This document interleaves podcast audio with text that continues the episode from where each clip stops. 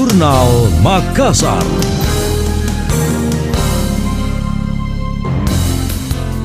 Saya Emil Faris dalam Jurnal Makassar. Gubernur Sulawesi Selatan nonaktif Nurdin Abdullah yang dulunya dikenal sebagai salah satu kepala daerah berintegritas dan bebas korupsi saat ini harus berhadapan dengan sejumlah kasus yang menyeret namanya keranah korupsi. Setelah terjaring operasi tangkap tangan OTT KPK bersama bawahannya Edi Rahmat, ex-sekdis PUTR Sulsel, dan kontraktor Agung Sucipto dalam perkara suap dan gratifikasi sejumlah proyek infrastruktur lingkup pemerintah Provinsi Sulsel, fakta persidangan di Pengadilan Negeri Makassar juga menguak keterangan para saksi. Di antaranya terkait adanya intervensi Nurdin Abdullah kepada bawahannya untuk memenangkan tender. Tidak hanya itu terungkap pula peran Nurdin Abdullah yang cukup aktif menerima uang dari para kontraktor dengan modus sumbangan. Jaksa penuntut umum JPU KPK M. Asri Irwan mengaku prihatin dengan kasus yang menimpa Gubernur Sulawesi Selatan nonaktif itu. Apalagi Nurdin Abdullah mendapatkan penghargaan bergengsi Bung Hatta Anti Corruption Award atau Bung Hatta Award.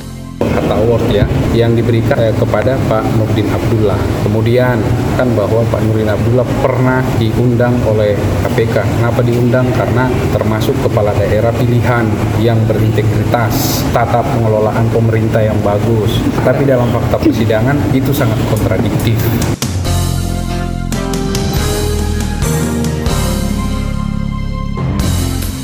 Menurut Jaksa Asri selama persidangan pernyataan Nurdin Abdullah kontradiktif dengan fakta yang ada. Nurdin kerap mewanti-wanti bawahannya agar tidak tergoda suap. Namun di sisi lain, Nurdin justru mengajak bawahannya mengumpulkan uang dengan cara korupsi.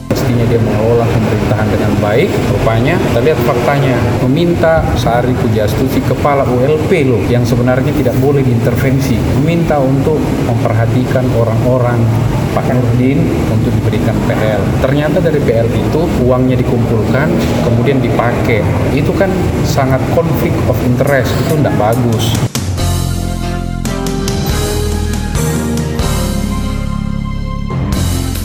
Hal senada disampaikan Jaksa Penuntut Umum JPU KPK lainnya, Ronald Worotikan. Ia sangat menyayangkan pernyataan terdakwa Nurdin Abdullah yang mengatakan pemberian gratifikasi oleh kontraktor kepada penyelenggara negara merupakan hal yang lumrah dan diperbolehkan.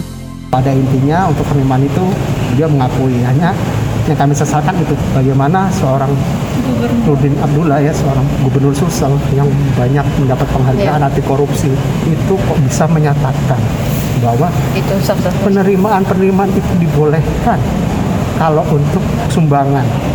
Ya kami agak kaget menurut beliau seorang penyelenggara negara boleh menerima pemberian dari orang yang berkepentingan termasuk kontraktor.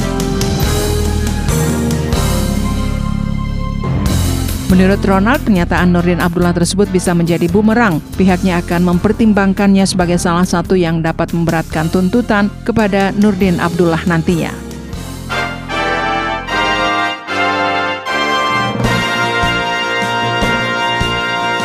Demikian tadi, Jurnal Makassar.